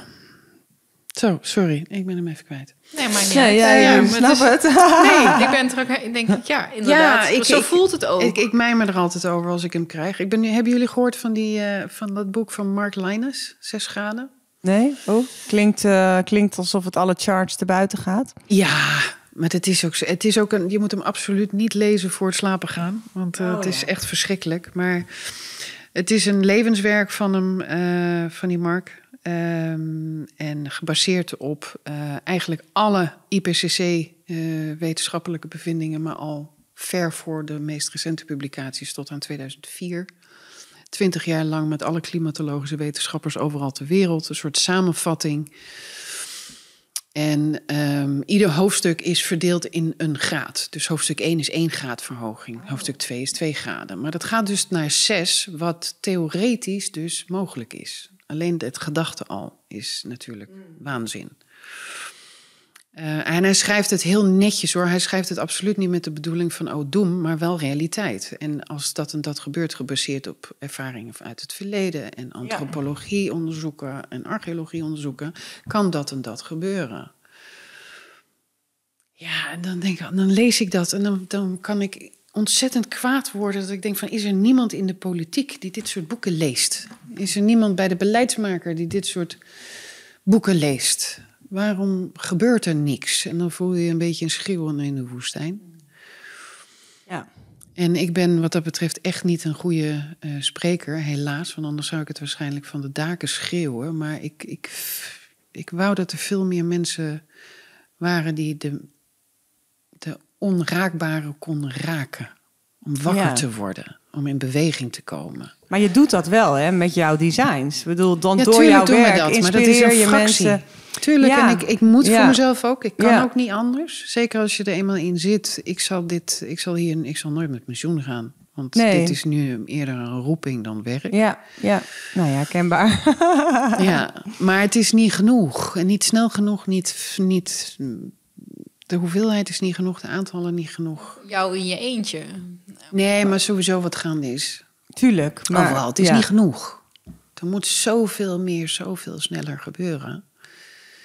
En eh, als je dan kijkt naar hoe de hele wereld handelt tijdens de COVID... en je ziet Ja. waar we toe in staat zijn... Ja, en hoe snel? En hoe snel Ja, en hoeveel miljarden we ineens uit Ja. de achterzak kunnen trekken om dat Ja. te doen. En dat we dat gewoon nog steeds niet doen Nee. met milieu. Dan moet je één ding concluderen als je kijkt naar de overheid. En dat is they just don't care. En dat Nee. vind ik heel frustrerend. Ja. Ja. Dat vind ik heel frustrerend. Ja, jeetje, maar dat zijn allemaal van die kakthema's. Zo blij nou van. ja, maar het is Maar- ook... de- we, we hebben wel een weg gekozen allemaal... om door blijheid en inspiratie en, en, en motivatie... en, en, en vooral, Ja. precies, jij dan door schoonheid... maar ook door Ja. mensen te connecten. Ja. En als je, niet, als je geen connectie hebt... kan je er ook niet voor gaan zorgen. Dus het is wel een hele Nee. belangrijke... Ik miste, ja, wij zijn natuurlijk sowieso overtuigd van eh, wat je zelf doet. Ja. Dus eh, ja, ik ben er wel van, echt van overtuigd dat wat wij hier doen, dat, je, dat een hele belangrijk fundament is om mensen te laten Ja. veranderen. Om Ja. ze eerst, eh, ja. eh, Ja, maar het gaat niet hard genoeg. nee, oké, ja, En ik dat denk echt, ik denk dat we met z'n allen met onze goede intenties, zoals initiatieven zoals Roggebot en al die fantastische mensen waar we mee werken en mijn collega's, er zijn er ook heel veel, is niet genoeg. Nee, De overheden die moeten eh meedoen. nee, ja. Die en bedrijven. mee. En ja, Want die hebben natuurlijk ook dan gigantisch dat ze dan toch niet weer tot zo'n klimaatakkoord. Dan denk je echt, oh, Ja, maar het gaat- maanden moeten we Ja. daar nog over bakkeleien? Luister daar dus Ja. niet eens naar. Ja, en als je zegt, wat moeten we nog gezegd hebben? Eh, ik weet nog dat ik daarmee ben geëindigd op de Campfire Stories toen. Ik zeg, toen werd me ook gevraagd wat ik mee wilde geven. En dan zeg ik altijd van, ja, er is één ding. Want iedereen zegt, wat kan ik doen? Wat kan Ja, ik wat doen? ga je doen? En dat is wel een hele makkelijke. En dat is misschien niet voor iedereen leuk om te horen. Maar iedere keer dat we onze portemonnee trekken, heb je een keus. Ja. Steun ik mensen onterende omstandigheden, vervuiling, eh, dierenmishandeling, kinderarbeid. Noem het maar, steun ik dat? Of steun ik iets wat mijn eh, gemeenschap of mijn dorp of mijn land of mijn stad verbetert en goed is voor de mens en Ja. goed is voor de natuur? En dat is een keus iedere keer dat je die portemonnee ja, trekt. het is het krachtigste wapen wat je hebt. Ja, en Ja. het is gewoon zo. En, en als je, sorry, bij de zoveelste budget buy weer allemaal shit in je mandje gooit. Ik moest net Dan- aan de action dan- denken. Ja. Ja, nee, Oh. ik zeg geen Of die namen, maar- kledingzaken. Eh, ja, Oh, of de, ja, tuurlijk. precies, de. Primark. eh, en Maar dat soort- realiseren dat je dan gewoon echt een enorme stroom aan vervuiling en, en, en ehm, verschrikkelijke mensonterende situaties en dwangarbeid en weet ik het allemaal niet, allemaal gewoon steunt. En that's it. Ik Ja. bedoel, we kunnen allemaal zeggen, er hoort nu consuminderen, consuminderen. Ik denk, ja, flikker op, tuurlijk consuminderen, maar sta gewoon bij stil. Wat steun je? Iedere Ja. keer dat je iets Ja. betaalt, dan, dan heb je een stem. Ja. En, en veel meer blijheid ook uiteindelijk, denk ik. Want consuminderen klinkt ook weer zo negatief. Ja, terwijl het alleen maar meer Ja, is. Want maar het is meer, wat steun ik? Ja, weet wat je. steun je? Ja, het aller, aller Ja. te gekst is Ja. toch... Als je wakker wordt op dit landgoed... eh, Ja. en je ziet de, hoort de vogeltjes en... eh, Ja. ja. Ik denk dat ik toch ook maar een keer... Ik heb ooit een dame willen spreken die een boek ging schrijven over hoe moeilijk het is, als jij was psycholoog, Ja. om groene eh, maatregelen te treffen. Dus om, om te veranderen. Dus om andere gewoontes, om anders te gaan eh, uitgeven of Ja. überhaupt. makkelijkste wat er is. Nee, maar dat is heel, heel... Weet je, gedrag van mensen veranderen is het Is heel moeilijkste moeilijk. wat er ja, is. ja, ja, ja. Klopt. Eh, en hoe laat je mensen groener zijn, doen, Ja. door anders... Dat, Ja. Weet je, wel, we kunnen... Want, want ik denk niet dat je iemand zal vinden die, die zal ontkrachten wat je zegt. Van nee, het is, hè, het is tien voor twaalf, mensen weten dat. Ja. Maar het doen... Ja. Hoe moeilijk is het om alleen maar voor jou... Want je zegt, ik ben anders gaan eten. um, Hè, want Ja. even in het heel klein, jij als persoon... Nou, je wordt ziek, net als dat de aarde is nu ook ziek. Ja, oké, heb- dit moet ik doen. Ik moet anders eten, dan doe je dat. Je hebt een hele mooie, dat las ik eh, laatst. Ik had echt zoiets van, oh, die moet ik onthouden. Eh eens kijken of ik hem nog goed kan vertellen. Er zijn drie seizoenen van verandering. Of je moet, of je kan, of je wil. Je moet wordt gedreven door wanhoop, pijn en verdriet. Dus je moet veranderen. Je wil is omdat je genoeg kennis en ervaring hebt opgedaan... of genoeg geleerd dat je zegt van... hé, hey, ik zie het anders, dus ik wil. En ik kan is meestal omdat je het gemakkelijk genoeg hebt en de vrijheid en de mogelijkheid om dingen te veranderen. En dat vond ik een hele krachtige, want dat gaat voor mij zelf ook op. Ik was ook eh juffrouw Consumentenbond in Amsterdam en had geen notie. Ik bedoel, het kon allemaal niet genoeg.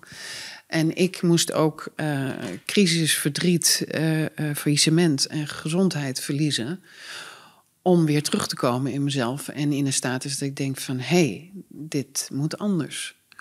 En zoals bijna al mijn collega's die hier nu hun vak van hebben gemaakt, hebben zo'n dergelijk verhaal. Ja. Dat is heel opvallend. Ja.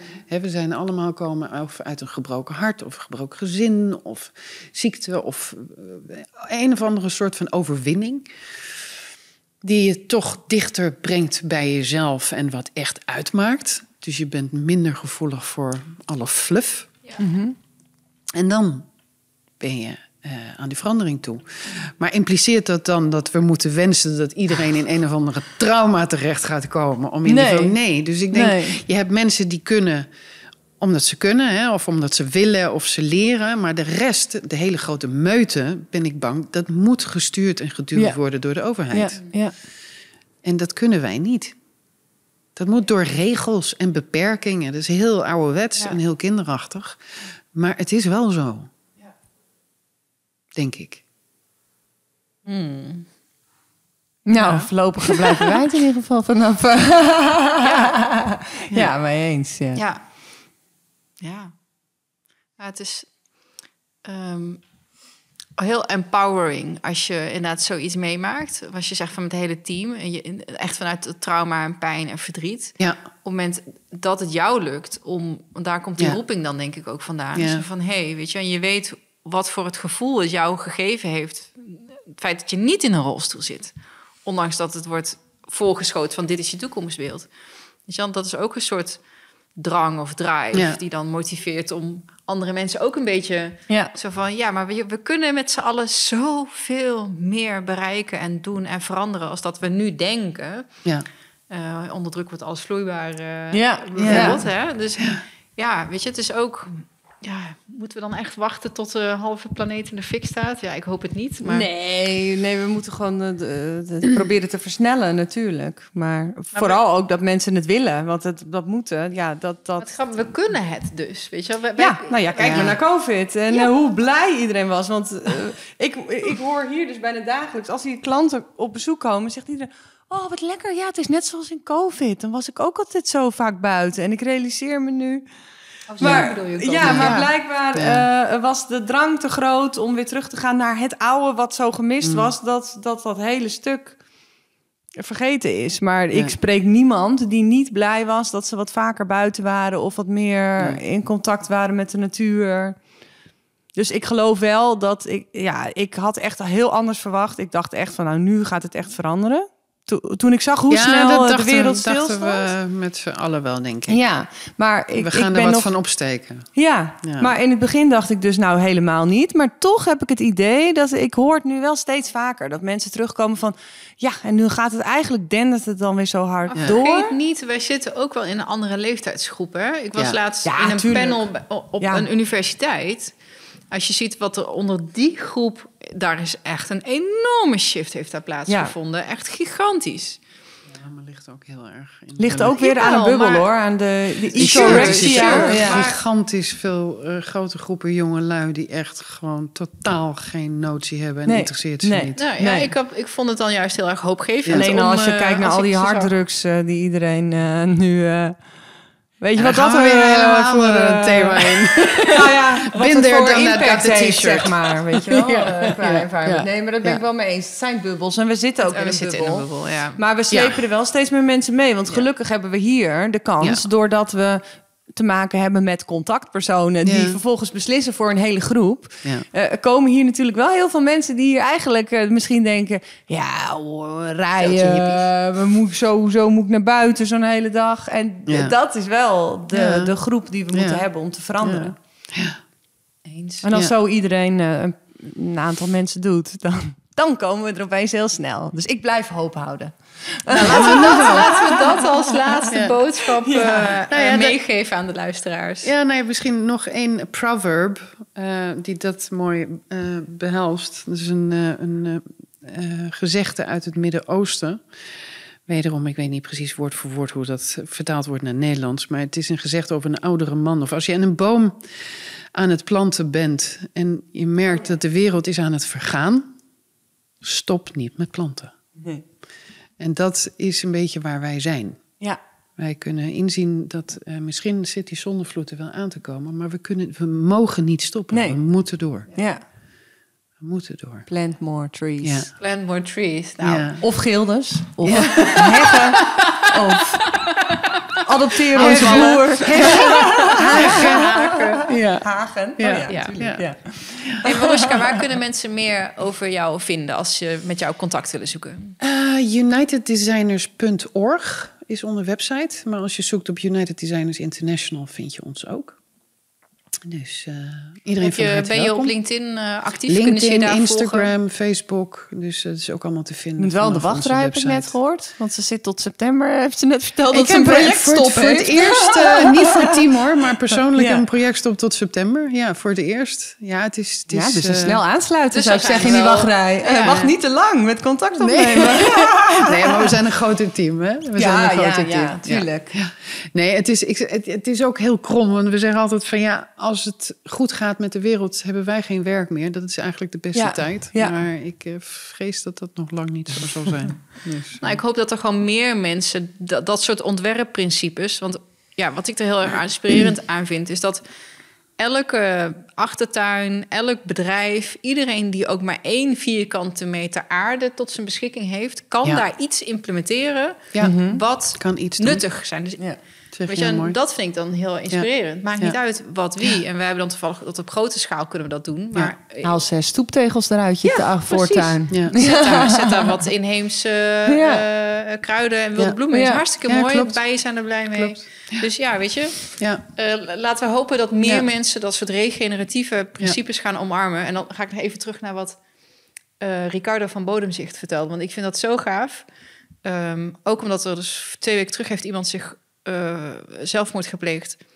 Omdat een chatbot tegen hem zei... nou, als je echt eh, minder impact... en geen slechte invloed op de wereld wil hebben... Hè, als je de Ja. wereld wil redden... dan moet je jezelf van kant maken. Want je- wij als mens zijn Ja. nou eenmaal de grootste parasieten. ja, dat is Hoe je het ook bent of keert.